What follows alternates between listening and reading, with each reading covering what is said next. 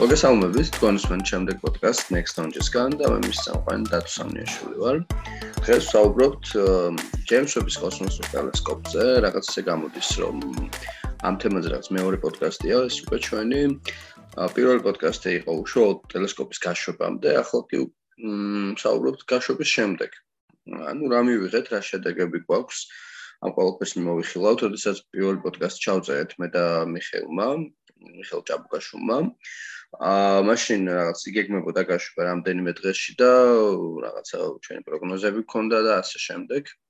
თუმცა ახლა უკვე გაშვებულია მისია წარმატებით ჩაიარა, მეტად უფრო მიაღწია თავის დანიშნულებას ადგილს და პირველი ფოტოების გვაქვს უკვე სამწნიერო. მოკლედ აი ამ თემებზე ვისაუბრებთ დღეს და ვესებით შევაჯამოთ ის თუ რა დავინახეთ რა, აი ესე ვთქვათ, კაცობრიობის თვალმა რა დაგვანახა. ამ თემაზე ჩვენთან ერთად დღეს არიან როგორც გავახსენეთ, მიხეილ ჯაბუკაშვილი, საზოგადოებრივი მაუწყებლის სამეცნიერო ჟურნალისტი და ასევე ნინო გიორგებიანი, Next on-ის სამეცნიერო ჟურნალისტი, რომელიც ძალიან აქტიურობს ხოლმე ჩვენთან უშუალოდ ასტრონომიის, ასტროფიზიკის კუთხით და მათ შორის ჯეიმს ვების გაშვებაც ესე ვთქვათ რაც next-მა გაშვა ამ ხრივ ძალიან დიდი წვლილი აქვს უშუალოდ ნინოს მოგესალმებით მეგობრებო პირველ რიგში გილოცავთ რომ ესე ვთქვათ ჩვენ სასმა სანატრომა და სასულმა კოსმოსურმა ტელესკოპმა პირველი ფოტოები გვაჩვენა ხო? გამარჯობა მიხარია რომ ვარ თქვენი პოდკასტის მონაწილე თანაც როგორც ასიხარულო ამბავზე მ კი ბატონო, კი ბატონო. და მოდი რა შეგვიძლია ალბათ პირდაპირ დავიწყოთ იმით თუ აი რა რა შეგვიძლია ვთქვათ რა, თუ ერთ მოდი იმაზეც ვისაუბროთ. აა რამდენად წარმატებული იყო ფოტოებამდე ის პროცესი, როგორც ჩაიარა, ესე ვთქვათ, მზადების იმის ჯეიმს ვების უშუალოდ ლაგრაჟორს ხავის ორბიტაზე მისვლის პროცესმა და განთავსებამ, სარკეების გაშლამ და უკვე მერე შემდეგ შეგვიძლია უშუალოდ გადავიდეთ ფოტოებზე.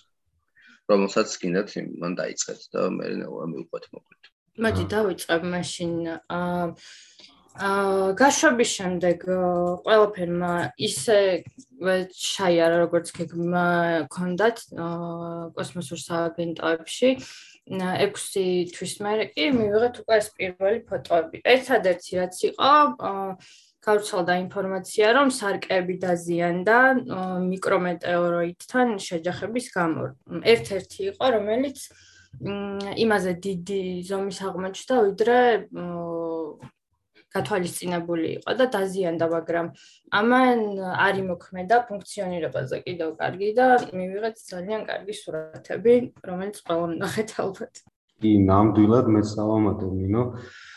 პირველ რიგში იმას რომ მართლა რაღაც ისეთი ისტორიული მომენტების მომსწრე გავხდით ну თუ აქამდე გვიწევდა იგივე წერა და კითხვა სხვა კოსმოსურ ტელესკოპებზე ну რატომღაც კი არა ობიექტური მიზეზების გამო შეიძლება არც გვახსოვდა თქვა როდის გაუშვეს ხო თუნდაც ჰაბლი ну მე ახლა სპიცერი და ასე შემდეგ მე ნამდვილად არ მახსოვს ალბათ არ ვიყავი მაშინ აინტერესებული თქვა სპიცერი რო სკაშვების ამბები და რაღაცა ეხლა მართლა ისტორიული მომენტის მომსწრე გავხდით ჩვენ თვალწინ როგორ გაუშვეს შემდეგ როგორ იარა მივიდა ანუ ყველა პროცესი დეტალურად ვაკვირდებოდით და წარმოიდგინეთ კიდევ სულცირე 20 წელი იმუშავებს ეს ტელესკოპი და აი ყოველთვის გასახსენებლად უნდა გვექნება რომ აი ის მაშინ რომ გაუშვეს ჩვენს წინ მოხდა და ასე შემდეგ. და აი ეს პროცესი კიდევ გაშვების მისვლის აი კიდევ ერთხელ ამტკიცებს რამდენად ზუსტად ქონდა გათვლილი NASA-ს ყველაფერი და მის პარტნიორებს და კიდევ ერთხელ ამტკიცებს თუ სადამდე წავიდა თანამედროვე ინჟინერია ხო ამ მიმართულებით. ყველაფერი იყო საათის მექანიზმით გათვლილი და ჩაიერა ზუსტად ისე როგორც სურდათ. უფრო მეტი უკეთესადაც კი აი სამაღლოში. ხო, ну ფაქტია რომ რაღაც საათივით იყო მართლა და ყველაფერი იყო გათვლილი, ხო და ну რაღაც მე აი სხვა შორის ტიზერი ვიზეც დაიწერა, დაიწერა კი არა გამოხდა პირველი სიოთი უშუალოდ აი ამ პირველ სამეცნიერო ფოტოებამდე, ხო თუ გახდა ის რამდენჯერმე წითლად და ხო, მაგით დავიწყოთ, მოდი ანუ აი რა იყო ეს რა რეალურად და რა გვაჩვენა, მაგრამ მაგასაც ადარებდნენ ხოლმე ჰაბლის გადაღებულს რა და ეს რა იყო და მე პიქსერში ადარეს ყველაზე აქტიური აქტუალური ფოტო იყო კი რადგან სპიცერს უფრო ადარებდნენ, რადგან სწორედ ეს სპიცერი მუშაობდა იმავე დიაპაზონში, ინფრაწითელში ხო რაშიც ჯეიმს ვები. ჰაბლი მოიხსენებათ ოპტიკურ დიაპაზონში და ულტრაისფერში მუშაობს, უფრო ანუ სხვა ხების სხვა მეთოდს იყენებს. თავიდანვე აშკარად ცხადი იყო ყველასთვის თუ რასთან ქონდა საქმე. აი იმ სატესტო ფოტოების გამოქვეყნებისასაც კი და თავად NASA-შიც აღნიშნავდნენ ამას, რომ ყველაფერი იმაზე კარგად არის, ვიდრე წარმოვიდგენთ. ანუ შედეგების მხრივ. ეს იყო ამ სურათებს იღებდნენ ტელესკოპის სარკეების გასწორების შემდეგ კალიბრაციის პროცესში თქვა სელფიც გადაიღო ისიც ნახეთ თავისივე სარკეების მე ერთი ვარსკვლავი რომელიც სხვადასხვა ექვსივე სარკემ გადაიღო და ამ შემდეგ ამ ნელ-ნელა ხვეწდნენ დაიწყეს თქვა ყველაზე ისეთი სუდი ხარისხის ფოტოებით და შემდეგ მოუმატეს უფრო ძლავი რეზოლუციით გადაღებას ასე ვთქვა დიდი. და საბოლოოდ მივედით იქამდე სადაც მივედით 12 ივლისს ანუ პირველადი შედეგი. პირველადი კი პირველი ფოტოა აჰა ხო და ანუ აი პირველი ფოტო იყო რომ ძალიან ველდებოდით რა. პირველ უშუალოდ პირველ ფოტოზე რაღაც ნექსტიდან მე მხვდა წილად ეს ვთქვათ ველდეთ ამ ჯეიმსები რა შეიძლება ბაიდენის გამოსულ რამდენი და რამდენი გვალოდინა ძალიან გვალოდინა და მართლა რა ვიცი ეს მართლა უკვე მეგონა რომ ჩაეძინა და გასაგვიძებელი იყო და ვერ ხვდებოდი რა ჭირდა და აა მე იყო რომ გადადეს რაღაცა თუ არ მეშლება 1 საათით და მე უკვე ეს 1 საათი ეწერა რომ აი 1 საათი დარჩენა ხორცად და მე უკვე ეგეც რო გავიდა მე საერთოდ უკვე აი მოიხსნა დრო და აი უბრალოდ ჰაერზე ესე ველოდებოდით და აი კიდევ ამით დამტკიცდა რამხელა მოვლენასთან მქონდა საქმე რადგან თავდაპირველად თუ დააკვირდით თქვენ ამ დეტალს NASA-მ დიდი ხნით ადრე დაანონსა რომ პირველ ფოტოებს საზოგადოება იხილავდა 12 ივნისს. შემდეგ უცბად ორი დღით ადრე შეიცვალა და გადმოიწია პირველი ფოტოების კრებულიდან ერთ-ერთის ჩვენების დღე, ერთი დღით ადრე. ანუ ამერიკის დროით ჩვენ რაც ვნახეთ, კი ჩვენთან უკვე 12 ივლისი იყო, ანუ 12-ს გადაც საათს ხო გადაცილებული. მაგრამ იქ ჯერ 11 ივლისი იყო საღამოს, ანუ ერთი დღით ადრე გადმოიწია, ну აშკარაა რომ ეს თეთრი სახლის თხოვნით, რადგან თავად პრეზიდენტ ბაიდენს სურდა და ვიცე-პრეზიდენტს ამ პროცესში მონაწილეობა მიეღოთ და სწორედ მათ წარედგინათ საზოგადოებისთვის ამ პირველი კრებულიდან ერთ-ერთი ფოტო და დანარჩენი მიანდეს შემდეგ მეორე დღისთვის NASA-ს, აი ამითაც გაესვა ხაზი ამ ტელესკოპის მნიშვნელობას. ხო და აი ეგ იყო რომ ანუ რამე რეალურად ეს უბრალოდ იდეური იყო ეს ბაიდენმა რო წარადგინა პირველ ფოტო უბრალოდ პოლიტიკური ფონის გამო თუ სიმბოლური იყო ანუ თუ სწორად მახსოვს ბაიდენმა სწორად ის აღნიშნა რომ თქვენ კარგად ხედავთ რა შეგვიძლია ჩვენ ადამიანებს რა შეუძლია თქვა ამერიკას კაცობრიობას და აი ხო უფრო პიარიც იყო რაღაც დონეზე ამერიკის კი კი კი. და ის დამამახსოვრდა. თან ალბათ ისიც იყო, რომ ძალიან დიდი ბიუჯეტია ჩადებული ჯეიმს ვების ტელესკოპში. და ალბათ უნდათ გაეზიარებინათ, რომ აი რა რაში დაიხარჯა ხო ეს ამდენი. კი, ან ერთგვარი ანგარიშიც ხალხთან და აი ყველაზე ესეთი გამორჩეული სიტყვები რაც ბაიდენის ჩამჭა ეს ტელესკოპი არის ყველა თქვენგანის თითოეულის და მსოფლიოში აი ასე რომ მოგმართა ეს მართლაც და ისეთი ამაღელვებელი მომენტი. და მართლა თუ დავუკვირდებით ან ხშირად ჩვენს კი ვინც ყოველდღიურად ამ ამბებს ვადევნებთ თვალს და წერთ და რაღაცა ხშირად ჩვენს კი ალბათ ვერ ვაცნობიერებთ რამხელა ტექნოლოგიასთან გვაქვს საქმე და რამხელა ინსტრუმენტთან კოსმოსის კვლევაში. და აი თუნდაც ამ ნაბიჯითაც კიდევ ერთხელ დამტკიცა ახლა ამერიკის პრეზიდენტი ნებისმიერ ტელესკოპის რაღაც შედეგებს არ წარმოადგენდა ნამდვილად საზოგადოება. აა კი ბატონო, კი ბატონო. და ნუ რავი, აი ფოტოებიც რომ დავიწყოთ ალბათ საუბარი, პირველ ფოტო იყო რაც აა სადაც ჩანს galaktikები, ხო? ანუ უძველესი galaktikები. და აი მანდ იყო რომ აი მაგალითად ზოგიერთსო 13 მილიარდი სიტყვაზე, ხო? თუ არ მეშლება მაგას მე შემიძლია ვთქვა იგუშინ დაიდო ასეთი ნიუსი ჯარჯარობით არ არის რეფერირებად გამოცემაში გამოქვეყნებული მეცნიერ თანაშრომი რომელიც ამას ამტკიცებს მაგრამ არის ერთ-ერთი კანდიდატი უძველესი galaktikis რომელიც დიდი აფეთქებიდან 300 მილიონი წლის შემდეგ უკვე არსებობდა ანუ მისგან წამოსული სინათლე დააფიქსირა ვებმა დიდი ალბათობით, ესეთი ვარაუდი. ანუ ამას განიხილავენ და მე გავიგებ თანტკის და თუ არა და. ანუ ეს იმას ნიშნავს რომ აი პირველი ფოტოებიდან უკვე რაღაცა აღმოჩენები და ჰაბლის რეკორდიც მოიწვია იმას რომ ახალი ერა დაიწყო ხო ასტრონომიაში იმიტომ რომ ძალიან შორს გაიხედა უკვე. კი გეთანხმები ნინო. ანუ პირველი ეს ფოტო ეს galaktika grove-ის რაც იყო ხო ძირითად ფოკუსში ეს იყო გროვა, რომელიც ჩვენგან 4.1 მილიარდი სინათლის წლის მანძილზე მდებარეობს, მაგრამ იმხელა გრავიტაცია ქონდა, რომ თქვათ ლინზის როლს ასრულებდა, ხო, გრავიტაციული ლინზირება ხდებოდა და შესაბამისად ამის წყალობით ის გვიჩვენებს მის უკან ფონზე არსებულ სხვა galaktikებსაც. და აი ზუსტად ის გუში რაც აღნიშნე ამ ლინზამ გამოაჩინა სავარაუდოდ რომ ჯერ არ არის დამტკიცებული. უკვე ის დიდი აფეთქებიდან 300 მილიონი წლის შემდეგ არსებული galaktika ანუ მხოლოდ ამ გრავიტაციის ძირთად ფოკუს მიღმა თქვა ერთ-ერთი. მართლა წარმოუდგენელი შედეგი იქნება თუ პირველივე ფოტოთი მოხსნა უკვე ჰაბლის რეკორდი რა ჰაბლის პირველი ყველაზე შორეული მე მგონი დიდი აფეთქებიდან 350 მილიონი წლის შემდეგ ქონდა აა და კიდე იყო იმ დეტალზე საუბარი რომ მაგალითად ამ ფოტოს შემთხვევაში რაღაც სულ რამდენიმე საათი იყო მიშორილია თუ არ მეშორე 12 საათ ნახევარი ექსპოზიცია. ხო და ჰაბის საჭიროებოდა მგონი ორი კვირა თუ რაღაც ხო რაღაც ეგრე იყო თუ არ მეშლები კი იმას შემახსოვს რა. აა და კიდე რაღაც იმ შემოხება ინტერესებს ანუ აი ვიღაცებს შემხვდა რა სადაც მე კომენტარებში იყო რომ თუ ესო ერთი ფოტოა როგორ არისო რომ ამ ერთ ფოტოზეო რაღაც ერთი galaktika უფრო სარია რომ 13 მილიარდი წლის წინდელია პირობითა და მეორე არისო სიტყვაზე რაღაცა ბევრად უფრო ახალგაზრდა. ერთ ფოტოში როგორ ხდება ესო და შეგვიძლია ეს დეტალიც რო ახსნათ როგორ ხდება მაგრამ მარტივი ხო. მომენტია კი აი ახლა ცას რომ ახედოს ჩვეულებრივ ახლა იქ რა ვარსკვლავებსაც ხედავს ის ხო ყველა ერთნაირი დაშორებული ვით არაა ჩვენგან ხო? კი ბატონო. იქიდან ზოგი ვარსკვლავი საერთოდ შეიძლება იყოს 40 საათის სინათლის წინ, ზოგი 1000 სინათლის წინ.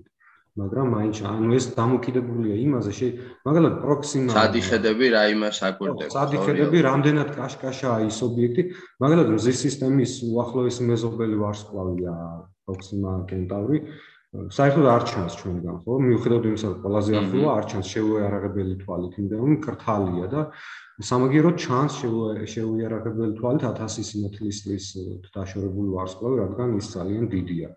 და მოდის ხო აქამდე მისი სინათლე, ეს ანუ ძალიან მარტივი და ელემენტარული მოვლენა, ანუ რომელიღაც galaktika თუ ძალიან შორიდან ჩანს, რიში ეს იმას ნიშნავს, რომ ის ძალიან კაშკაშაა, ხო, ბევრი ვარსკვლავია შე გამოყრილა ბევრი ისეთი ფენომენია, რომ ან კვაზარი შეიძლება იყოს საერთოდ. და რომელიც არ ჩანს, შეიძლება მასე მკრთალი იყოს, ან მარტივად ასახსნელი, ასე უხეშად რომ აქვს. კი ბატონო, კი ბატონო. თან ეს დავამატებდი, რომ აი ეს პირველი ფოტო ხო ბაიდენმა რომელიც წარადგინა, აი წარმოუდგენელია, რამდენად გასაოცარია, რომ არის ცაზე ქვიშის მარცვლის ხელა არეალი აღარ კი, ნამდვილად მნიშვნელოვანი დეტალი. იმდანად ღრმა ფოტო არის, რომ აი 13 მილიარდი წლის წინანდელი galaktikაც კი ჩანს იმ სიღრმეში, ხო და სხვა ფოტოებშიც რომელიც ჰაბლმაც გადაიღო და შედარებებით ყველას გვაქვს ალბათ ნანახი, აი ფონურად გამოჩნდა ვების ფოტოებში უკვე galaktikები, რომელიც არ ჩანდა ჰაბლის იმავე ფოტოებში. იმდენად შორს ხედავს, ხო? კი, კი, კი, კი, კი. აი ეს მართლა გასააზრებლადაც ისეთი მომენტია, თქვა, ქვიშის მარცვალი რო სადღაც აი ხელი თითის ვერზე დაიდო ესე გაიშვიროც ის და გახედო აი დახნობი მხელა მონაკვეთში ჩანს თავსიფრის ამხელა galaktika წარმოიდგინე თლიანი წარომ დაასყანიროს ან გონებისთვის ცოტა ისეთი წარმოიდგენელი უნდა ანუ ხო რეალურად ეს იმას იმის კიდე ერთხელ გვახსენებს იმას თუ რა არის სამყარო და რა მხოლოდ დიდია რომ ერთი უბრალოდ წერტილში რომ ხელს ასრულოთ აა დიდი სამყაროა ხორიო. მმ ცოტა ისე წარმოუდგენელია კი მართლა. აა და რა ვიცი ანუ მაგის გარდა მეორე დღეს უკვე ნახეთ უშუალოდ NASA-ს პრეს კონფერენციას, სადაც ასტროფიზიკოსები და უშუალოდ ამ პროექტებში ჩართული მეცნიერები იყვნენ, ხო, და კვლევრები, რომლებიც თავად ყვაცნობდნენ ესე ვთქვათ ამ ფოტოებს, შემდეგ ფოტოებს და განგვიხსნიდნენ, ხო, რა რა არის და აი რაკეთდნენ თუ გამოარჩევით რომელიმეს თქვენ რომელიც უფრო მოგეწონათ თუ ესე ერთს კონკრეტულად არ გამოარჩევით და რაღაცა ყველა ერთნაირად ნიშნულოვანი იყო თქვენც ან უფრო შეიძლება ვიზუალადაც გამოარჩევთ რამე დასტვით ამას. მეორე დღეს ნაჩვენებ ფოტოებს გულისხმობ ვიზუალურად კი მოდი მე მე ვიტყვი ჩემს მოსაზრებას. რა თქმა უნდა ყველა ძნელია გამოარჩიო ყველა ერთმანეთს უკეთესია თავისი ნიშნულობით ყველას თავისი ანუ თუ დავაკვირდებით ყველა სხვადასხვა ტიპის ობიექტი იყო. იყო თქვათ ვარსკვლავების ინკუბატორი ანუ სადაც იბადებიან ის რეგიონი იყო უკვე მკვდარი ვარსკვლავის მიერ წარმოქმნილი ნისლეული იყო ეგზოპლანეტა კიდევ მეგონი ისინი ანუ ნიშნულობები ყველა სხვა, მაგრამ მე ყველაზე მეტად აი ვების პოტენციალში ეგზოპლანეტების მიმართულება მაინტერესებს ჩემი პირადი ინტერესი არის უფრო დიდი. ბიოხელწერა, ანუ იგივე, ანუ ბიოხელწერა რო დააფიქსიროს. მიუხედავად იმისა, რომ ვები აკი ამისთვის არაა შექმნილი, თქვათ. ვების ერთად დანიშნულება ნამდვილად არ არის ეგზოპლანეტების კვლევა და ვთქვათ, სიცოცხლის ზედმა კოსმოსში მისი ძირითადი მიზანი ხო სამყაროს საწყისების გარკვევა, ანუ უშუალოდ დიდი აფეთქების პირველ მილიონ წლებში რა მოგვენები ვითარდებოდა, მაგრამ საბედნიეროდ იმდენად მძლავრია, რომ შეუძლია, ანუ მრავალმხრივ, მრავალფუნქციურია, შეუძლია ვთქვათ, ეგზოპლანეტების კვლევებშიც გამოგვადგეს. მე უფრო აი ეს მიმართულება მაინტერესებს. ეს მონაცემები ვთქვათ ფოტო არა უფრო რაც მოვიდა პირველი ეგზოპლანეტიდან რადგანაც დარჩა მაინც საზოგადოების ყურადღების მიღმა რადგან უფრო ჩვენ გვიყვარს რაღაც ლამაზი. ანუ უცხოც იყო ახლა შკალები და რაღაც. ეგზოპლანეტები სხვა შორის ბევრ საინტერესებს უფრო მეტად ვიდრე ნისლეულები და galaktikები და რაღაც ისეთი წარმოდგენა იყო რომ აი ძალიან ისეთ ლანდშაფტს ვიხილავდით ამ ფოტოებში რა თითქოს აი ეგერ იყოს სადღაც მაგრამ ნუ არ არ არის ეგრე. ო ანუ ეგზოპლანეტის ალბათ შემდეგ უკეთეს თქვათ მონაცემებს შემოგთავაზებს და თქვათ ატმოსფეროს პირდაპირ გადაღებასაც კი გვირდება, ასე ვთქვათ, რაღაცა მაგ გადაღებაზე მნიშვნელოვანი აქ მის სპექტრული ინფორმაცია ხო რა შეიცავს და მე როგორც კი დაამტკიცა რომ უკვე ნამდვილად შეუძლია რაღაცა მცირე მინიშნებები მაინც დააფიქსიროს სიცოცხლის ბიოხელწერის თუ კი არსებობს მის დაკვირვების ქვეშ მყოფ ეგზოპლანეტაზე ეს ძალიან მნიშვნელოვანი დეტალია. აი მაგხრო ძალიან დამაინტერესა მეც აი სტატია მეც ნახე და ჩვენც გქონდა შენც გქონდა აა და აი ეს ბიოხელწერაზე რო არის საუბარი და რო დაამტკიცა რომ შეუძლია რა რო აღმოაჩინოს. თუმცა მაგ ეს ამავე მაგავე სტატიაში ის იყო აღნიშნული რომ რაღაც დონეზე შეიძლება ცდებოდეს კიდევაც რა არის რაღაც სხვადასხვა ფაქტორები რომელიც გამოიწვიოს. კი კი რაღაც ალბათ შეიძლება გამოიწვიოს და ესე გვეგონოს სიტყვაზე რომ რაღაცა აი არის ანუ აი მაგ ხრივ ძალიან საინტერესოა ანუ აი მოდი ეგ თემა განვავრცელოთ ახლა ეს ეგზოპლანეტების ბიოხელწერის და ზოგადად სიცხეს აღმოჩენა რა არა მიწის სიცხეს აღმოჩენა. ანუ როგორ უყურებთ თქვენ ანუ რამდენად რეალურია რომ ჯეიმს ვებით აი დენოს წელიწადში ამაზე პასუხი მივიღოთ. თუ ეს პასუხი რომელსაც მივიღოთ, მაინც სათუო იქნება და ანუ კიდე შემდეგი თაობის დადასტურებები არის საჭირო, რომ ამაზე რაღაც უფრო ზუსტი პასუხი გქონდეს, ანუ ამაზე რა ინფორმაცია გვაქვს ჩვენ დღეს. თუ შეგვიძლია რომ ვისაუბროთ. მაგას. ისე რა, მე მგონი აი ბიოკვალის დაფიქსირება კი რა თქმა უნდა, ამას ჩემი აზრით ამ 20 წლის მონაცემებში იმდენი ესეთი კვალი იქნება სავარაუდოდ, რომ არ ვიცი, ну, იქნება რა აუცილებლად, მაგრამ აი როგორც აღნიშნე, შეიძლება ეს ბიოლოგიური პროცესებისგან იყოს წარმოქმნილი და შეიძლება არაბიოლოგიური პროცესებისგან იყოს წარმოქმნილი. აი ცოტა ისეთი ნივთიერება უნდა განსაზღვროთ ალბათ და ალბათ ამაზე მუშაობენ მეცნიერები, რომელიც უფრო ნაკლებად სათუო იქნება, ხო? ესე დაზუსტებით თქმა ალბათ უფრო გაგვიჭირდება, მაგრამ რაღაც ხელჩასაჭიც აუცილებლად ვიპოვნით ჩემი აზრით. და სხვა შორის ეგზო მიუხედავად იმისა, რომ ვები ეგზოპლანეტების გამოსაკროთ არ არის შექმნილი, მაინც ძალიან დიდი წილი უჭირავს ეგზოპლანეტებს, აი საკვლევ ობიექტებს, აი ამ წელს აპირებს მაგალითად ერთ-ერთი სისტემის გამოკვლევა, სადაც 7 პლანეტა არის მყარი. აპის ჩემი ძალიან საინტერესო იქნება, იქიდან რამონაცემები მოვა. კი, ვეთანხმობ ნინოს ვებმა ვები არაერთ ვთქვათ იმას სავარაუდო კვალს დააფიქსირებს, გარდაუვალია ეგზოპლანეტების სპექტრში იქნება ეს მეთანი თუ სხვა აირები, რომლებიც ბიოხელწერას ნიშნავს ჩვენთვის, შეიძლება ნიშნავდეს ანუ ბიოლოგიურ წარმომავლობას იმ აირების, მაგრამ ეს სათულო იქნება, ნამდვილად არ იქნება გადაჭრილი.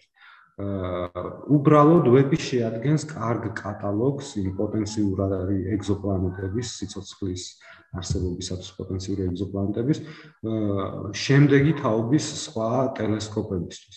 როგორც ახლა ვები ობიექტებს ძირითადად აკვირდება იმის მიხედვით თუ ამ ობიექტებზე რა გაარკვიეს წინა ტელესკოპები. თუ წინა ტელესკოპებმა დაადგინეს რომ ეს ნამდვილად საინტერესო ობიექტია თუ მაგალითად ეგზოპლანეტებს გულისხმობ ძირითადად, ვები მიმართავენ მათკენ ზუსტად. აი ვები თუ რომელიმე პლანეტაზე დააფიქსირებს რაღაც სიცოცხლის ნიშნებს სავარაუდოდ, უკვე შემდეგ სპეციალურად ეგზოპლანეტებისათვის შექმნილი რაღაც ინსტრუმენტი რომელიც იქნება, უკვე ის გამოიკვევს ვების მიერ შექმნილ კანდიდატთა კატალოგიდან ობიექტებს და უფრო მეტად გადა გადაჭრით პასუხს მოგწონს და ასეთებს სხვა შორის აკეთებენ აი მიწისპირა ტელესკოპები იქნება ამ დედამიწაზე მაგალითად ატაკამის უდაბნოში თუ არც მაგელანის დიდი ტელესკოპი არის ერთი რომელიც ვებზე მეტად შეძლებს პლანეტების სპექტრის შესწავლას, ვებზე უკეთესად. იქ იქ ჟანგბადის დაფიქსირებასაც შეძლებს და ასე შემდეგ. შემდეგ ანუ უფრო მძლავრი იქნება და უფრო სპეციალიზებული იქნება ეგზოპლანეტების მიმართულებით. ასე რომ იმისი ილუზია რომ არიქავებმა ის ჩვენ ვიპოვოთ არამიწიერი სიცოცხლე ეს ეს არავითარ შემთხვევაში არ იქნება. მო სავარაუდო ნიშნები შეიძლება იყოს. ან სავარაუდო ნიშნები და უფრო რაღაც ანუ პიონერი გამოდის ამ ხო ალბათ რომელიც უფრო დაიწყებს ამაზე ესე ვთქვათ. კი კი კი ამ მიმართულებას გახსნა. და ნუ რავი მეც ახლა იგივე იმ სტატიაში ეგრე ჩანდა და გაიცი რომ რაღაც შემდეგი თაობის ტელესკოპებს უფრო დავალოდოთ მაგ ხო ალბათ რომ უფრო კონკრეტული პასუხები გქონდეს რაღაცებს. კი ნამდვილად ეს უკვე სხვა ტელესკოპებისაა კი ბატონო. და მაშინ ისე რომ მიუბრუნდეთ მოდ ჯეიმს ვებს მოდი ისე ფოტოები განვიხილოთ რა, ანუ აი მაგალითად აი ეს ნისლეულები სადაც იყო რა, ერთგან იყო აი ეს ვარსკვლავების დაბადებასაც უწოდებენ. ხო, ადგილსაც ვარსკვლავი იბადებოდა და იქ რაღაც ახალგაზრდა ვარსკვლავი იყო და მეორე იყო უკვე ორი ვარსკვლავი სადაც შანს, ხო?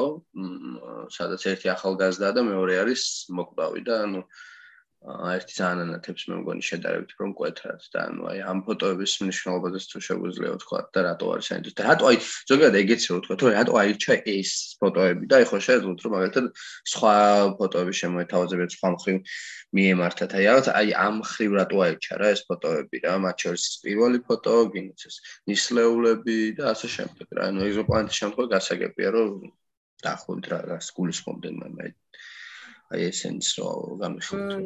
ჩემი აზრით ნისლეულები, ну მოდი ჯერ ისაღვნიშნოთ, რომ ვები ჰაბლისგან განსხვავებით ინფრაწითელ სპექტრში ხედავს, ხო?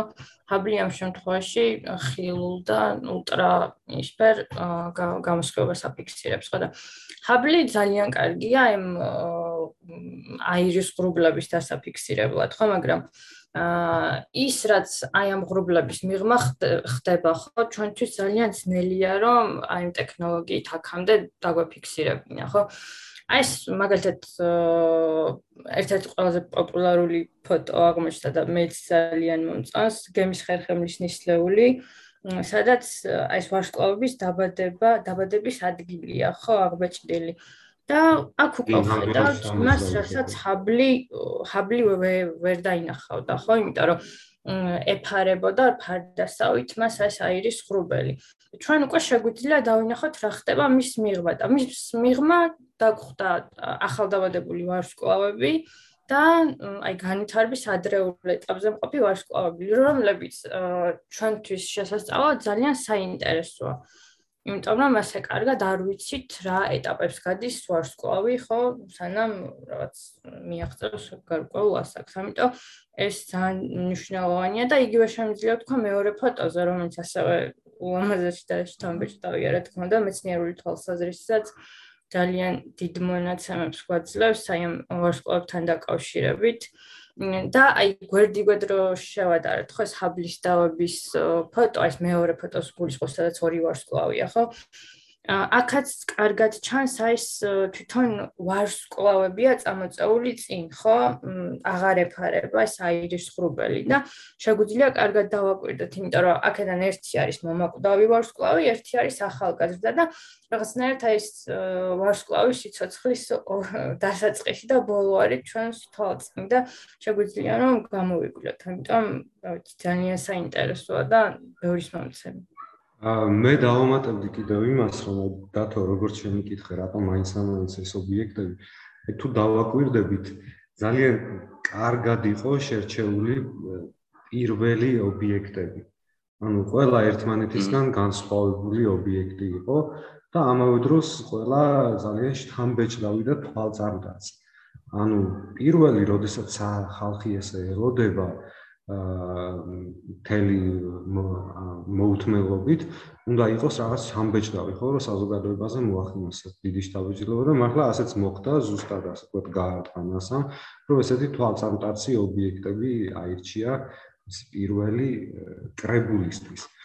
და პირველივე ობიექტებზე აი როგორც ნინო მაგნიშნა გამოჩნდა ის რასაც ვთქვათ ჰაბლით ვერასოდეს ვერ დამნახავდით მაგრამ იგივე კოსმოსში ბევრია ხო მტრის ნაწილაკი და ასე შემდეგ რომელიც ბლოკავს ხილულ სინათლეს მაგრამ ინფრაწითელ შესაძლებლობებს რომელიც აა რომლითაც მუშაობს ვთქვათ ჯეიმს ვები შეუძლია ეს გაიხედოს ამ მტრისა და გაზის ღრუბლების მიღმაც რაც ამ ფოტოების შემთხვევაშიც მოხდა აი იგივე ამ პლანეტური გემის ხერხემლის მისლეულის მიღმა ამ ვარსკვლავური ინკუბატორის დავინახე ძალიან ბევრი წვრილი ვარსკვლავი, რასაც ვერ ხედავდი თაბლის ფოტოს. სწორედ აი ეს მეტყოლებს თუნდაც მის შესაძლებლობებს. და მგონი galaktikების სურათი დაგვაწყდა ნინო აი ეს კვინტეტი არანაკლები. ო, ეგ ძალიან მაგარია, ხო, შერწყმა galaktikების, კი, კი. ვისაუბროთ მაგაზეც მაგრამ კაი იქნება. თან რაღაც შეგვიძლია ვთქვა, რომ ჩვენს galaktikასაც ხო იდეა შეგელოდება და მაგ წარმომდგენია რომ აი ვიღაცები შორიდან რომ დააკვირდნენ, ისე როგორც ჩვენ ვაკეთებ ჩემსობით. ჩვენს galaktikას რაღაც მომავალს დაინახავენ ეგრე შორიდან, ხო როგორ ერწყმის რაღაც. ა ვიღაც უკვე შეიძლება ხედავს კიდევაც იმდენად შორიდან, რომ ჩვენ დაანდროვე და აი ასეთ მანძილზე ვართ ერთმანეთთან შეიძლება მათთვის. ხას კვინტეტი შესაძლოა ძალიან კარგი ობიექტია, იმიტომ რომ აი ესეთი ერთად მოქცეული galaktikები ჩვენ სამყაროში იყო განვითარების ადრეულ ეტაპზე, ხო? გაფართოებ აი გაფართოებაში როდესაც იყო მეტი. ამიტომ ჩვენ და ეს ზოგადად galaktikების ფორმირებისთვის ხო დღეს რასაც ხედავთ ეს შერწყმა აი რა პროცესი რა პროცესში ეს galaktikები არიან ამ ფოტოზე ანუ ერთმანეთს ისინი შერწყმებიან ხო აი შერწყმის პროცესი galaktikების ფორმირების შესასწავლად არის ძალიან მნიშვნელოვანი და ამ ამ ფოტოზე რასაც ხედავთ ეს არის ხუთი galaktika თუმცა აქედან ეს gravitatsiul ურთიერთქმედებაში ერთმანეთთან არის აქედან ოთხი galaktika. და მნიშვნელოვანია ისიც რომ აქედან ერთ-ერთ galaktikაში ვებმა შეძლო რომ შავი ხვრელის გარშემო რა ხდება ისიც დაეფიქსირებინა ხო ეს აირის ეს ნაკადები. ამიტომ ეგრე და ვარსკვლავ წარმოქმნილი რეგიონებიც დააფიქსირებინა ო ნამდვილად ნამდვილად. და ანუ იდეაში ანუ ეხლა ჩვენ ნახეთ ეს რაღაც თავიდან რაც იყო ხო? და მე უკვე წამოვიდა რაღაც კიდე რაღაც ფოტოები ხო? მათ შორის რაღაც მე მგონი გუშინ იყო ხო? რომ ჩვენს დავწერეთ რომ უძველესი galaktika დააფიქსირა სავარაუდოდ მაგაზე. მე მგონი შენ სტატია იყო ნინო საერთოდ ხო? კი კი მაგაზე დასაწყისში ვილაპარაკე პირველი ბაიდენის მიერ წარდგენილ ფოტოზე იყო ის galaktika რომელიც დიდი აფეთქებიდან 300 მილიონი წლის შემდეგ უკვე არსებობდა სავარაუდოდ. ნუ პირველადი მონაცემები ასეთია და ეს მეცნიერები ითხოვენ ჯეიმს ვების ამ ძვირფას დროს, რომ სპექტროსკოპით მოიპოვონ დამატებითი მონაცემები და განსაზღვრონ ზუსტად ეს დრო და ნუ თუ დამტკიცდა უკვე რეკორდულად შორეული galaktika იქნება. Ну იდეაში მიზანიც ეგ არის ვების ერთადერთი მაინც ვერ წაუვლენ ამას ამ მაინც მოუწევს მაგის გამოკვლევა. აი დათო წერან როგორც თქვი, ახლა უკვე უკან აი წვრილ წერტილებად რომ მოჩენს galaktikები ამ ფოტოებზე, თუნდაც იმ პირველ ფოტოზე და შემდეგ აი ხუთი galaktikis სამი კვინტეტის ფოტოზე, უკვე აი იმეების თქვა ამოზუნვა დაიწყეს ასე ვთქვათ და შესავლა უკვე იმეებს აკვირდებიან.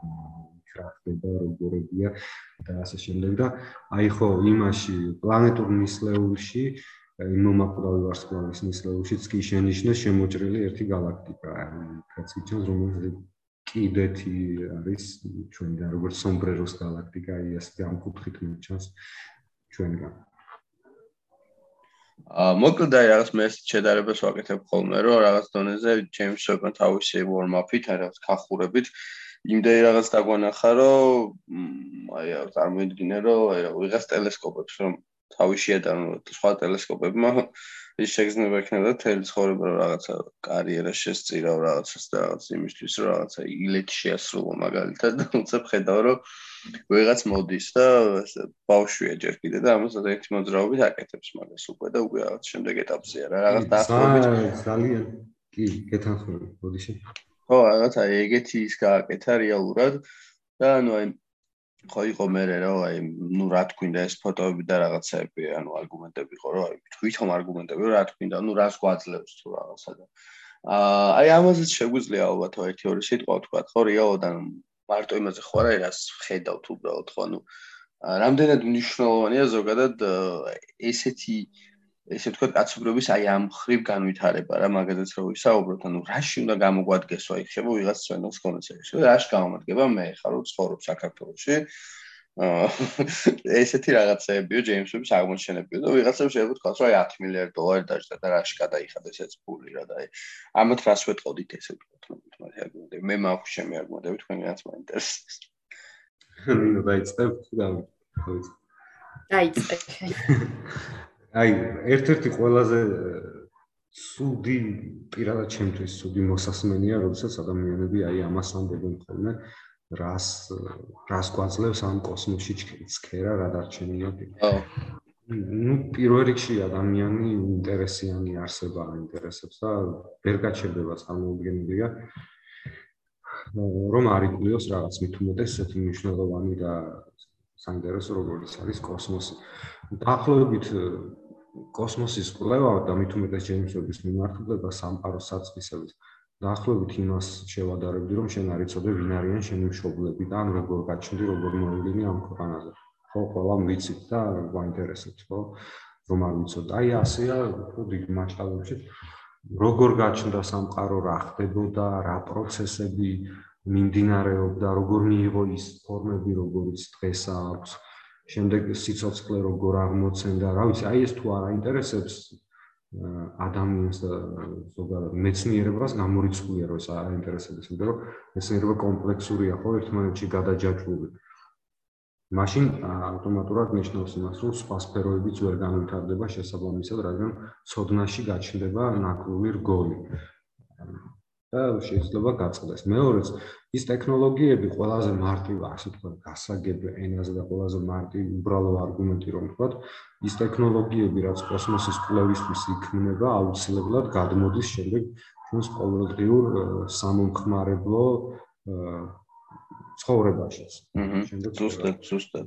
კი, მობილურის კამერებიდან დაწყებული, რა ვიცი, რა რა განთავრებული პირველ რიგში ტელესკოპებისთვის შეიქმნა და შემდეგ წლების შემდეგ ვიხილეთ ჩვენ ჩვენს ყოველდღიურ ცხოვრებაში.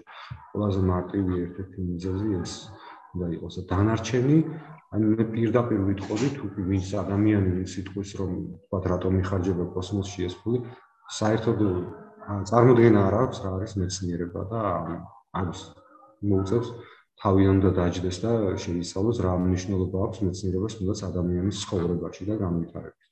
ყოველი ტექნოლოგია, ყოველი ტექნოლოგია, რომელიც რომელიც კოსმოსის კვლევისას ვითარდება, შემდეგ აუცილებლად პოულობს თავის გზას ჩვენი ყოველდღიური ცხოვრებისაკენ. თუნდაც ელემენტარული სამომხმარებლო ტექნიკის დონეზე. ანუ სწორედ NASA-ს და სხვა კოსმოსური სააგენტოების ლაბორატორიებში შექმნილი არაერთი ტექნოლოგიით სარგებლობთ ჩვენ დღეს, ყოველი ჩვენგანი. ზოგჯერ ისეთი ტექნოლოგიებით, რომ ვერც წარმოვიდგენთ თუ ის ტექნოლოგია აი კოსმოსის კვლევის მიზნით შეიქმნა თავდაპირველი დანიშნულებით. ну ყველაზე მარტივი მაგალითი ტელეფონის მობილურის კამერა შეიძლება ჩავთვალოთ ის თავდაპირველად ტელესკოპებისთვის იყო შემდეგ გადმოვიდა ყოველდღიურობაში თუნდაც smartphone-დან დაწყებული დღეს საათებსაც კი უყენია ხო? სიფური აი საინტერესო რაღაც თქვენ ესე იგი როგორ გამოდის ამ ტელეფონების კამერები რაც არის იყო თავის დროს ტელესკოპებისთვის და მე გადმოვიდა ანუ წარმოიდგინე პირველი ტელესკოპები როდესაც უშუალოდ თუნდაც 90-იან წლებში და ამ შემდეგ კოსმოსური ტელესკოპი ხო ციფრული კამერებით იყო აღჭურვილი რომ გადაიღოთ თუნდაც ხილულ სპექტრში და ამ შემდეგ ანუ არ გულისხმობ ზუსტად ასეთი არისო როგორიც დღეს არ მაგრამ ეს ტექნოლოგია თვითონ პირველად სწორედ ტელესკოპებისთვის დაიწყო მასზე მუშაობა და ანუ მარტივი მაგალითი კიდევ არაერთი ასეთი ტექნოლოგია ანუ ეს არის ყველაზე აი ელემენტარული რა სარგებელიც შეიძლება მოგვიტანოს კოსმოსის კვლევა. აი ყველაზე უხეში შედარება იმ ადამიანებისათვის, ვინც ვერ ხედავენ მიზანს და მიზეს, თუ რატომ შეიძლება ვიხედებოდეთ საში და მილიარდებს ვყრიდეთ, აი ეს მაღაზიებს ყველაზე მეტად. რა დარჩენიათ კოსმოსში დედამიწას მიხედეთ, აი ეს არის რა ქვია გადავარჩინოთ ას და ამას ის ადამიანები ამბობენ, შეიძლება პირველი იყოს დედამიწისათვის ელემენტარული დონეზე ზიანის მიღების. მარტო ზიანი ის, ანუ რეალურად მილიარდები და ტრილიონები ხარჯება შეიარაღებაზე, რომელიც უბრალოდ ერთ-ერთი მისია, მისი ფიზიკური არის, რომ ადამიანები დახოცოს და მაქსიმუმი აქვს კიდე ის, რომ თუ ბოლომდე მიუშვა პლანეტასაც განადგურებს, რა ვიცი. ეს შეიარაღება და თავისთავად რაზე ვსაუბრობთ? საერთოდ მართლა წარმოუდგენელია ან და ზუსტად ისეთ კეთილ კეთილ შობილურ რაღაცაზე ვსაუბრობთ როგორც არის მეცნიერება და კოსმოსის კვლევა რომელიც არავის არაფერს არ უშავებს პირიქით ადამიანი იკვლევს როგორ როგორ გაჩნდა აქ საიან მოხდა ხო? არ მარტო თვითონ არამედ ეს ყველაფერი მის გარშემო და გამოდის ვიღაცა ამბობს ამაზე რომ ეს წყალში გადაყრილი ფულია. მე ყოველთვის ვამბობ ხოლმე აი ეს სასაცილო გონებაში დავალაგე. როდესაც იკვლევენ თქვათ რაღაც შორეულ galaktikებს, თქვათ მილიარდობით სინათლის ისიქით არის კატეგორია რომელიც ეს აი იმ სიშორეს რა უნდა ჯერ ჩვენი რაღაც ქალწულის ზეგროვა არ შეუსავლიათ თქვათ. მე მოდის უკვე შემდეგი კატეგორია. იქ რა უნდა ქალწულის გროვაში ჯერ ირმის ნახტომი შეისწავლო. მე უკვე მოდის აი ეს რა ქვია ჩვენ მზის სისტემა არ შეუსწავლიათ ჯერ იქით რა უნდა გარეთ. მე რა დედამიწა არ შეუსწავ და ასე შემდეგ მოდის ისე ბოლოს ერთ თავის მაგაზეც იქნება შეგიძლია დედამიწას არ შეუსწავლო. ჯერ ადამიანი არ შეგვისწავლია. ხდები ანუ უსასრულოდ წავიდეთ. ანუ ადამიანი არ შეგვისწავლია. რა დროს დედამიწა? და მე ან რა დროს ადამიანია ხო? ანუ კვანტური მექანიკაც არ ბოზონების დონეზე დადის ანუ საერთოდ რა დროს ელექტრონები და ატომებია, ხო? ანუ უფრო ელემენტარული ნაწილაკების კი არ შეგვისწავლია და უმცირესი ნაწილაკი რაც ახლა ვიცით, ეგეც რა დროსია, იმიტომ რომ საერთოდ იმის ეგით კიდე უმცირესი რაღაც ნაწილაკია და ასე შემდეგ, მეგობრებო. აუც მართლა მართლა ანუ ასეთ მარაზ ანუ ამით მე მინდოდა იმის ასეთ მარაზმამდე დადის ბოლოს აი ეს მათი ნარატივი რომ აი რა გვინდა კოსმოსში და რატომ მიგვიყვება ხო არა ანუ მეც აი მე მაგაზე სულ ფაზლის მომენტი მაქვს ხოლმე რომ ანუ მეცნიერებაც და არა მაგრამ აი ზოგადად ცოდნა რა რაც კაცობრიობამ დააგროვა მთელი ამ საუკუნეების განმავლობაში არის რაღაცა ფაზლივით არის ანუ ერთმანეთს ავსებს რა შენ თუ ერთმან რაღაცებს რა მოიღებ მნიშვნელოვანს ან არ ამნიშნულ აი პეპლის ეფექტივით არის რა მოკლედ ამ რაღაცას იღებ და ამას შეიძლება მთელი სისტემა მოშალოს რა. მაგის garaშე ფიზიკურად ვერ იმუშავებს ვერაფერი, ანუ აი როგორც უკომპლექსურესი რაღაც დანადგარი როა იყო და რაღაც ელემენტარული ნაწილი გამოაშარო, გამოაშარო, ანუ რავი, უკომპლექსესი ეძახე იმას და იძახე რომ ამ ხელში რომ აჩერმა, მაგრამ ის ვეღარ იმუშავებს. იგივე არის რა ეგ და ანუ შენ თუ ეს ამის შევსება არ მოახდინე და რაღაცები უბრალოდ არ განავითარე, ანუ ვერც იმ მანქანას და ვერც იმ ფაზლს და ვერც საბოლოო სურათს ვერ მიიღებ და საბოლოო სურათ ხო რა არის ხო? საბოლოო სურათი არის ადამიანი მართლა, ანუ რაღაცა მაიმუნის მაგვარი არსება. აა ცდილობს გაიგოს სად არის რა და ვინ არის და რა არის და ის სადაც არის ის ის რა არის. ხო? ანუ ამ შემთხვევაში სამყარო რა არის. და ძალიან ბევრი რაღაცები და ამის გარშემო აი ეს მოყარეობა რო კი, კი, კი, აი ცნობის მოყარეობა. ცუდად ჩაგეჭერი. აი ცნობის მოყარეობა რომ არ ქონოდა გაქთემა საუბრობ. გამოქვაბულიდან ვერ გამოვიდოდით, ხო? ისე ვიქნებოდით პირველ ყოფილებაში. აი იგივე. ზუსტად, იმიტომ რომ რეალურად აი მართლა აი რა ვიცი ხა მაგისტვის ხაზგასმა შეგვიძლია რომ ანუ ეგ რომ არ ყოფილიყო, არა შენ თვითონ საერთოდ გამოქვაბულის და მთელი კაცობრიობის ისტორიაც ეგ არის რეალურად, რომ ამოუცნობისკენ მიდიოდა რა ადამიანი რა, ანუ გამოქვაბულიდან რომ გამოვიდა, მე წავიდა და როგორც ვთქვით, აფრიკიდან მთელს პლანეტას მოედო და პლანეტიდან დაწყებული ააშენებდნენ რაღაცა უმარტივეს და უპრიმიტიულეს რაღაცა ნაოს და შეუშვებდნენ წყალში და მიდიოდნენ ესე რომ არ იცოდნენ სად მიდიოდნენ და დღეს ეგ წყალი და ზღვა უკიდეგანო მათთვის ეს ახლა არის მასშტაბები გაიზარდა ეს არის კოსმოსი ხო რეალურად. და ეს კოსმონავტები და ასტრონომები და ამ შემთხვევაში ჯეიმს ვების გასკაუსი დანადგარები არიან ისინი ვინც ზუსტად ეს უკიდეგანო სამყაროში ცდილობენ გაგვიკვლიონ გზა. პირველ მე ზღვაურები არ იქნებოდნენ და ზღვაში არ შევიდოდნენ ადამიანები, იტყოდნენ რომ ნუ რა, რაში მჭირდება, ეხა მე რო შევიდე ზღვაში ან ოკეანეში, ხო? აი, რაში მჭირდება, ანუ ვიჯდები და აგერი ხეზე, რა, ბანანია და მოვკრიფავ და შევჭამ. ანუ და იმაზე ვიფიქრებ, რომ ეს ბანანი, რა ვიცი, კარგად გავანაწილო უბრალოდ და დამთავრებულია, ხო? ეგ არის ალბათ რა ვიცი. კი, მარაზმამდე მივდივართ. მაშინ იგივე ლოგიკით არც ერთი დარგი არ განვითარდებოდა და არც მედიცინა იქნებოდა და ისე გამოქვაბულამდე მივდივართ და უფრო მეტი იმასაც მოფიქრება უნდა და თავის ძროზე რომ გამოქვაბულში შესულიყო და იქ შეეფარებინა თავი. ნამდვილად ხო, რავი, ანუ მოკლედ მთავარი იდეა მეგობრებო ეგ არის რომ გამვითარდეს რაღაც ახალი გავიგოთ და თავარი мотиваტორი კიდე შემეცნება და რაღაც ახლის გაგება, რაც ადამიანს თუ წაართვი ეგ მაშინ ну რა ადამიანი აღარ იქნება რაღაც სხვა არსება იქნება და ეს რა არსება იქნება ეგ უკვე არ ვიცი. აა ხო დაიბოდი მოდი რადგან ამაზე ვსაუბრობთ ხო ანუ რაღაც ვისაუბრეთ მნიშვნელობას. აა მოდი ვისაუბროთ უახლოეს მისიებზეც რაღაცებზე უკვე ისეც ვისაუბრეთ მაგრამ მაინც აი უფრო მიმართულება გავაკეთეთ ამჯერად მაგის აა უახლოეს მისიებზე იქ მეგონი ინომაც ახსენა რაღაც უნდა მიმართონო ერთ-ერთ ეგზოპლანეტისკენ ხო? თუ არ დამოვიწყო რაღაც იმედი არ მეშლება. შემოი შენ თქვი ხო? აი მაგაზე ვისაუბროთ მოკლედ კონკრეტულად უფრო რას ველოდებით ამ ხრივ ამ აა ეგზოპლანეტის მიმართულებით რომ მიმართავენ მაგასაც და ზოგადად რას ველოდებით უახლოეს იმიტომ რომ ჩემი მეგობარი მაგათთან მეკითხება ხოლმე რომ აბა რა ხდება დათო ხა რას ველოდებით შემდეგი ფოტო რა იქნება ან როდის როდის იქნება და ანუ აი მაგაზეც რო ვისაუბროთ რა უნდა იყოს რა ვიცით ამ ეტაპზე და აქედან მე უკვე შეგვიძლია გადავიდეთ იმაზე თუ საერთოდ რას ველოდებით საბოლოო ჯამში ჯეიმს ვებისგან და რო ამოწურავს იმ თავის 20 იქნება ეს თუ 30 თუ რა ვიცი ჰაბლივით უკვდავი აღმოჩნდება თუ მეც აძლევს.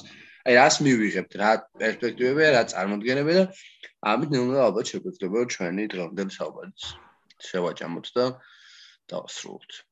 ხო, გეგმებს რაც შეეხება მომდევნო კანდიდატები ანუ რა არის ფოტოებსაც შეხილავთ ჯერა არის გასაჯაროებული, მაგრამ როგორც ვიცი გაწერილია ეს, ხო? აჰა. დიდი ხნის განმავლობაში რაც უნდა გადაიღონ.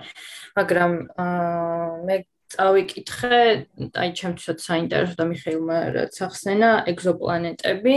მიუხედავად იმისა, კიდევ გამეორტები დავიწყე, რომ ვები არ არის ესე კერძოდ ეგზოპლანეტების საკვლევად შექმნილი, მაინც საკმაოდ ბევრი ეგზოპლანეტა მოხდება მის ობიექტივში. აა მათ არის ხა გადაიღებს კიდეც, მაგრამ არ უნდა ველოდოთ რაღაც გრანდიოზულ ისეთ ფოტოებს, რომელსაც ვაწყდებით ხოლმე იგივე მარსის თუ ასე შემდეგ, ხო? ეს იქნება რაღაც პატარა წერტილი, რომელშიც მეცნიერები უკვე ამოიკითხავენ სხვადასხვა სპექტრულ თუ ასე შემდეგ სხვა სხვა მონაცემს, ხო? და ასეთი, აი როგორც დასაწყისში ვახსენე, ასეთი ერთ-ერთი სისტემა არის, რომელიც შესწავლასაც აპირებს, იქ არის 7 პლანეტა, მყარი 7 მყარი პლანეტა და ვები შეძლებს რომ აი ზუსტად აი ინფრაწითელი ხედვის მეშვეობით, აი მათ ატმოსფეროში თუ კი აქვთ ატმოსფერო და იმედი აქვთ, ну ჯერ ამასაც დაადგენს აქვთ თუ არა ატმოსფერო და თუ გაგვიმართლა და რომელიმეს მაინც აქვთ ატმოსფერო, აა იქ უკვე აი ვარსკვლავიდან წამოსული სინათლე როგორ ირეკლება იმის მიხედვით სხვადასხვა სპექტრულ მონაცემს მოიპოვებს და ადგენს რა შემადგენლობა აქვს ამ ატმოსფეროს და ამის მიხედვით ძალიან ბევრი რამის გაგება შეგვეძლება მათ შორის იგივე ბიოკვალი შეგვიძლია აღმოაჩინოს და ასე შემდეგ ხო აა და რა ვიცი ძალიან მნიშვნელოვანია ეს ჩემი აზრით. ნინო, გეთანხმები აბსოლუტურად აი ის მენელს რომ კარგად კიდევ ერთხელ შევახსენოთ იმ პლანეტებზეა საუბარი, რომლებსაც ასტრონომიის მოყვარული მრავალი ადამიანი ძალიან კარგად იცნობს, ტრაპისტ 1, ასე ქვია.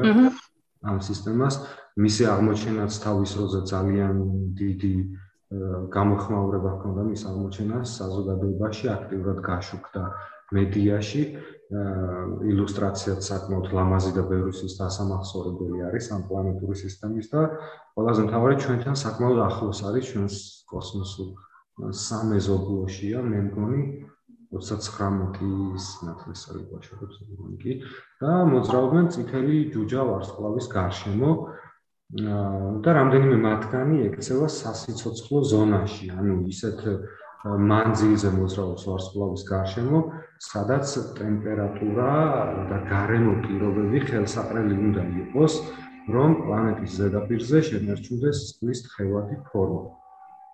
კიდევ ერთხელ რომ განმარტოთ, ჩვენ ამ ეტაპზე ვეძებთ სიცოცხლის მხოლოდ ჩვენთვის ნაცნობ ფორმას. ჩვენ კი ჯერჯერობით ერთადერთი ნაცნობი ფორმა ვიცით სიცოცხლის ის რაც დედამიწაზე ანუ ნახშირბაძე დაფუძნებული შემდეგ რომ ჟანგბაც მოიხმარს და ასე შემდეგ. სხვაგან შეიძლება იყოს ისეთი რომელსაც ჩვენ ვერც კი წარმოვიდგენთ, მაგრამ მაშინ არ ვეცოთ, რადგან არ ვიცით როგორ მოვზეთ.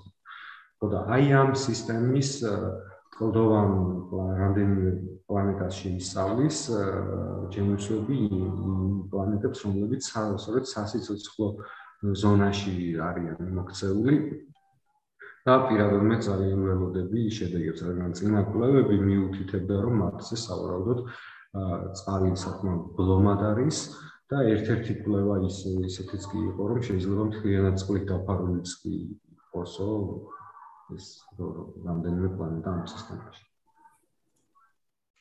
ო, საინტერესო. ან ძირთად ამას ვეუბნებით ახლა მომავალში, როგორც მე ვხვდი. ხო, ну ეს დამოუკიდებელი საბჭო ადგენს თქვათ ის თავაზობენ განაცხადს აკეთებენ მეცნიერები და დასაკვირვებელ ობიექტზე და შემდეგ ეს უნდა დააკმაყოფილოს სპეციალურმა საბჭომ, რომ თან ის ბრმა მეთოდის, რომ არ იცის ვის განაცხადს აკმაყოფილებს და ვისას არა. ანუ სია ძალიან დიდია და ეს ახალი რომ არის, იმიტომ ველოდებით ასე სულ მოუთმევ რა იქნება თორე ჰაბლზე საერთოდ ალბათ არც კი ინტერესდებით ხოლმე რა იქნება ჰაბლის შემდეგი ფოტო თქვა. ასე გახდება ნელა ვებიც, მაგრამ აი ის ძველი ჰაბლიც კი ხო, მისი ყოველი ახალი რაღაც კადრები ძალიან დიდ ეპიცენტრში ექცევა მედიის ყოველთვის წარმოგინეთ ჯეიმსვები რა იქნება მთელი ამ წლების განმავლობაში. სულ ყურადღების ცენტრში იქნება საზოგადოების მუდმივა და რაიმე მომეწონა ძალიან თვითონ პროექტის ერთ-ერთი ხელმძღვანელის შეფასება ჯეიმს ვებზე. თუ წარმოიდგინეთ რომ ბნელ ოთახში ხართო და ერთი რაღაცა წვრილი ჭუჭროდანადან შემოდის სინათლე. უფანჯრება ოთახში. აი ეს იყო თქვა აქამდე ჩვენთვის. გარეთ არის სამი კოსმოსი. ახლა უცბად წარმოვიდგინეთ ამ ოთახს გაუჩნდა ერთი უზარმაზარი ფანჯარა. გაიღო და შემოვიდა ანუ ძალიან ბევრი სიმართლე და სულად განათა აი ეს არისო თვითონ ჯეიმსები და ახლობით უხეშად რომ შევადარ კი ბატონო კარგი შედარება. და თარიღებში როგორ ვართ დაახლოებით აი მაგაზე როგორ შეგვიძლია თქვა ვიცით ეგ დაახლოებით ეს ეგზოპლანეტები ამ წელსაა გაწერილი როგორც ვიცი კი, წელს არის მეც ასეთი ინფორმაცია, მოხს რომ ამდენიმე მაინც ოფიცერი ამდენიმე წელს არის და კიდევ ძალიან ბევრი ისეთი რაღაც დაკურების ობიექტები აქვს გარდა იმ ძირითადი მისიის თქვათ. სამყაროსაცდების გარკვევის ვარსკვლავ შორის სიწყლის მოლეკულების ზედნა მათ შორის კიდევ მზის ყველა საინტერესო ხო მზის სისტემის ობიექტებსაც შეისწავლის იუპიტერის და სატურნის ხილოვან თანამგზავრებსაც მათ შორის ეს ძალიან მაინტერესებს უპირობოდ ეს დაკურებები ის ენსელაციებას და განმედეს ასე. აა ხო ვიცით რომ ევროპაზე შეიძლება თეორიულად იყოს სიცოცხლე და ამ ხრივ ევროპა და ენსელადი ანუ იქ უფრო მაგრამ აქ ბურღია საჭირო როგორც ვიცი რომ ჩაუ ბურღია საჭირო. ეს ალბათ უფრო სპექტრულ სპექტრულ მონაცემებს ანუ არ ვიცი კონკრეტულად დეტალურად რა შეიძლება იგუებმა იპოვოს მაგრამ ამბობენ რომ შედის მისი დაკვირვების სიაში. ჰმმ კი ბატონო. და რა ვიცი ანუ ალბათ მაინც აი ეხლა შეგვიძლია რაღაც ნამდვილად შეჯამებისკენ წავიდეთ და იმ ხრივ ანუ საბოლოოდ მოკლედ რას ველოდებით აი ამ უახლოესი 20 წლის განმავლობაში თუ გვახსენებთ. გარდა იმისა, რომ ვიცი რომ რაღაცები შეიძლება ისეთი იყოს, რაც ეხა წარმოქმნას არ გვაქვს. არ მარტო ჩვენ ხო ანუ ვებზე მომშავე ინჟინერებმაც ხო შეიძლება არიცოდნენ ამ პროფესიებმა ის რაღაცები აღმოაჩინოს ხო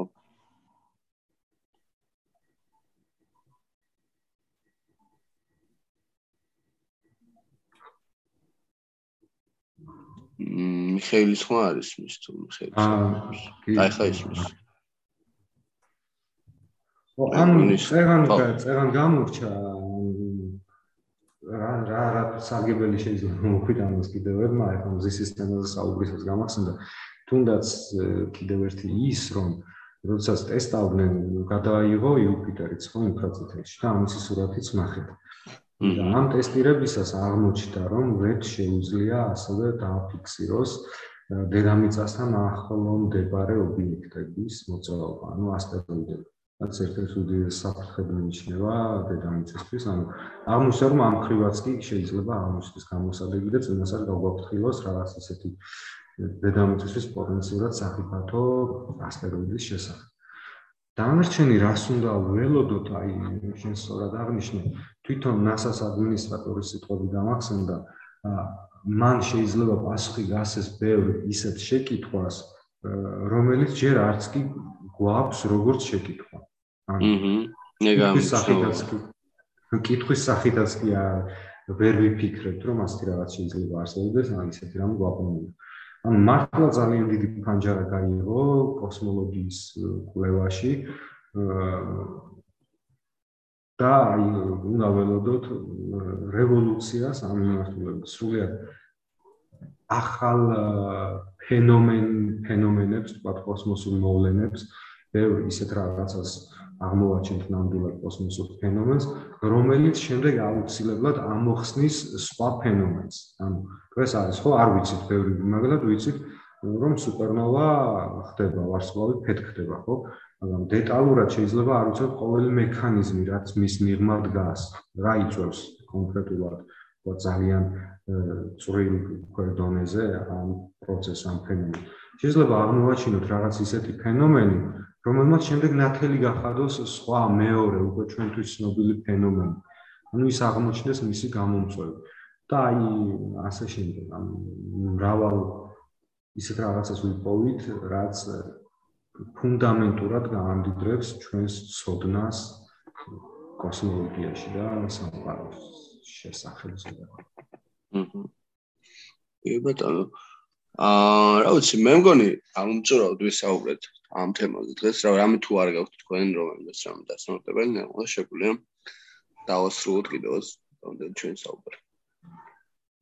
მე ერთ რაღაცას ვიტყვი კიდევ გულს რომ ძალიან მიხარია პირადად მე რომ ჩვენ თითქოს კონკურენტები უნდა ვიყოთ ერთმანეთის როგორც სხვადასხვა მედიის წარმომადგენლები მაგრამ ამ შემთხვევაში გასახარი ის რომ მეცნიერება ისეთი რაღაც არის, მით უმეტეს ჩვენს ქვეყანაში და მეცნიერების პოპულარიზაცია მე წარმოუდგენლად მიმაჩნია, როგორ შეიძლება ამ მიმართულებით მომუშავე ჟურნალისტები ეკონკურენტებოდნენ ერთმანეთს და მიხარია, რომ აი ესეთი განაჩვენებლება შეგვიძლია ჩვენ შორის არსებობს. ძალიან ძალიან მიხარია მეც ეგ მართლა და ანუ რა შენ თქვის არ იყოს მეც მე ამდენად არა ხო ხოლმე მიხარია ხოლმე რომ შენგან რო ხედავ რაღაცა ახალ სიახლეებს რო ვიგებ ხოლმე მართლა შენგან სამბოჟო გამიგე რაღაცები პირიქით სიამონებს ხოლმე და ძალიან კარგი იქნება თუ მეტი იქნება ამ ხრივ პირიქით და რა ვიცი ამ ხრივ შეიძლება ჩვენ რაღაცა ეხა დღეს ქართულ მედიაში გზას ვიყავდეთ რაღაც დონეზე და აი ეს ის არის რაც საჭიროა რა ანუ რაც უფრო მეტი იქნება ხო სიტყვა ხალხს მეტ დაინტერესდება ჩემი აზრით და მოკლედ კითხველი არ მოგვაკლდება პირიქით თუ მეც სამომდას ჩემი აზრით რა კითხვებიც აღარ გაჩნდება რაში გჭირდება ფულის ხარჯვა იქ ზუსტად, ზუსტად, რა თქმა უნდა, რაც უფრო მეტი დაიწერება ქართულ სივრცეში ამაზე, ინტერესი მეტი იქნება და შემდეგ ეს მე ვიქნები, შენ იქნები თუ ნინო იქნება რაღაცას რომ გავაშუქებთ ამ ხრივ ზოგადი ინტერესი მეტი წამოვა უკვე ამ ამ ამ სფეროზე. ამიტომ რა ვიცი, გაცნობაც მიხარია. კი, გვარდასახელით ხშირად ვეცნობ იმის მასალებს და მიხარია რომ მასთან ერთად მომეცა პოდკასტში მონაწილეობა. მეც ასევე დიდი მადლობა. მეც მიხარია მართლა მით უმეტეს რომ აქ საუბარი რაღაც ხარისხიან მასალაზე, ხო? სანდო მასალაზე, რომელსაც წაიკითხავს ქართველი მკითხველი და წარმოადგენა შეექმნება მეცნიერებაზე და ნდობაც გაუჩნდება და სხვათა შორის ამ ბოლო დროს აა იგივე სატელევიზიო სივრცეში და ბეჭდურ მედიაში წამოვიდა ნელ-ნელა ხო მეცნიერება თქვენ რა სიტყვით. უკვე უფრო ხშირად მესმის რაღაც საკითხების გაშუქება. ხო, არის ახლა რაღაცები იყო რაღაც უცნაურად გაშქებული, მაგრამ მაინც არის კი. კი, მაგრამ მაინც ხო, დელოგები არის.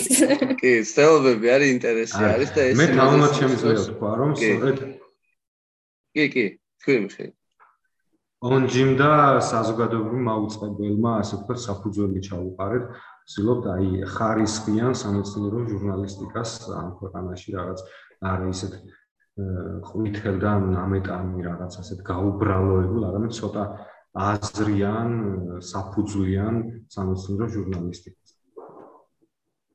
კი ბატონო, რა ვიცი და რავი მართლა ანუ აი ფაქტია რა ხე შე რო თქვენი ნო რა აი წამოვიდაო ტელევიზიაზე და მინდა ინტერესენ ეს მოდის იქნა ალბათ გამომდინარე რომ მოთხოვნაც დაინახეს რომ ხალხს აინტერესებს შესაბამისად თავადაც უკვე აქვს ის მომენტი რომ ამ სფეროში თვითონაც გაერკვენ რაც ორი აზრი არა ძალიან კარგია და თუ ეს წამოვა ძალიან კარგია. კი.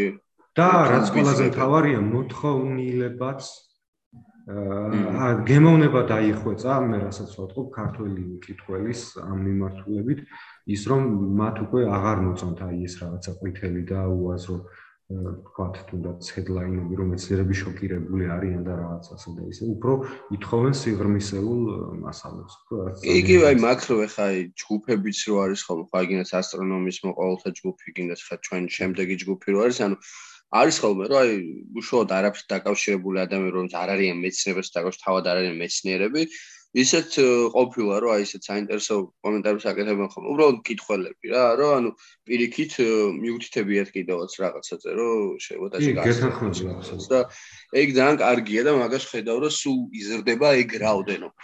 რაც ანუ საკმაოდ კარგია მოდი ეს თქვა ქვეყნისთვის ძალიანად რა კი და ჩვენთვის დიდი мотиваცია არის კიდე როგორც ჟურნალისტებისთვის ნამდვილად ნამდვილად. აა კარგით მეგობრებო რა ვიცი ძალიან სასეუნო იყო თქვენთან საუბარი. ან გამიხარდა.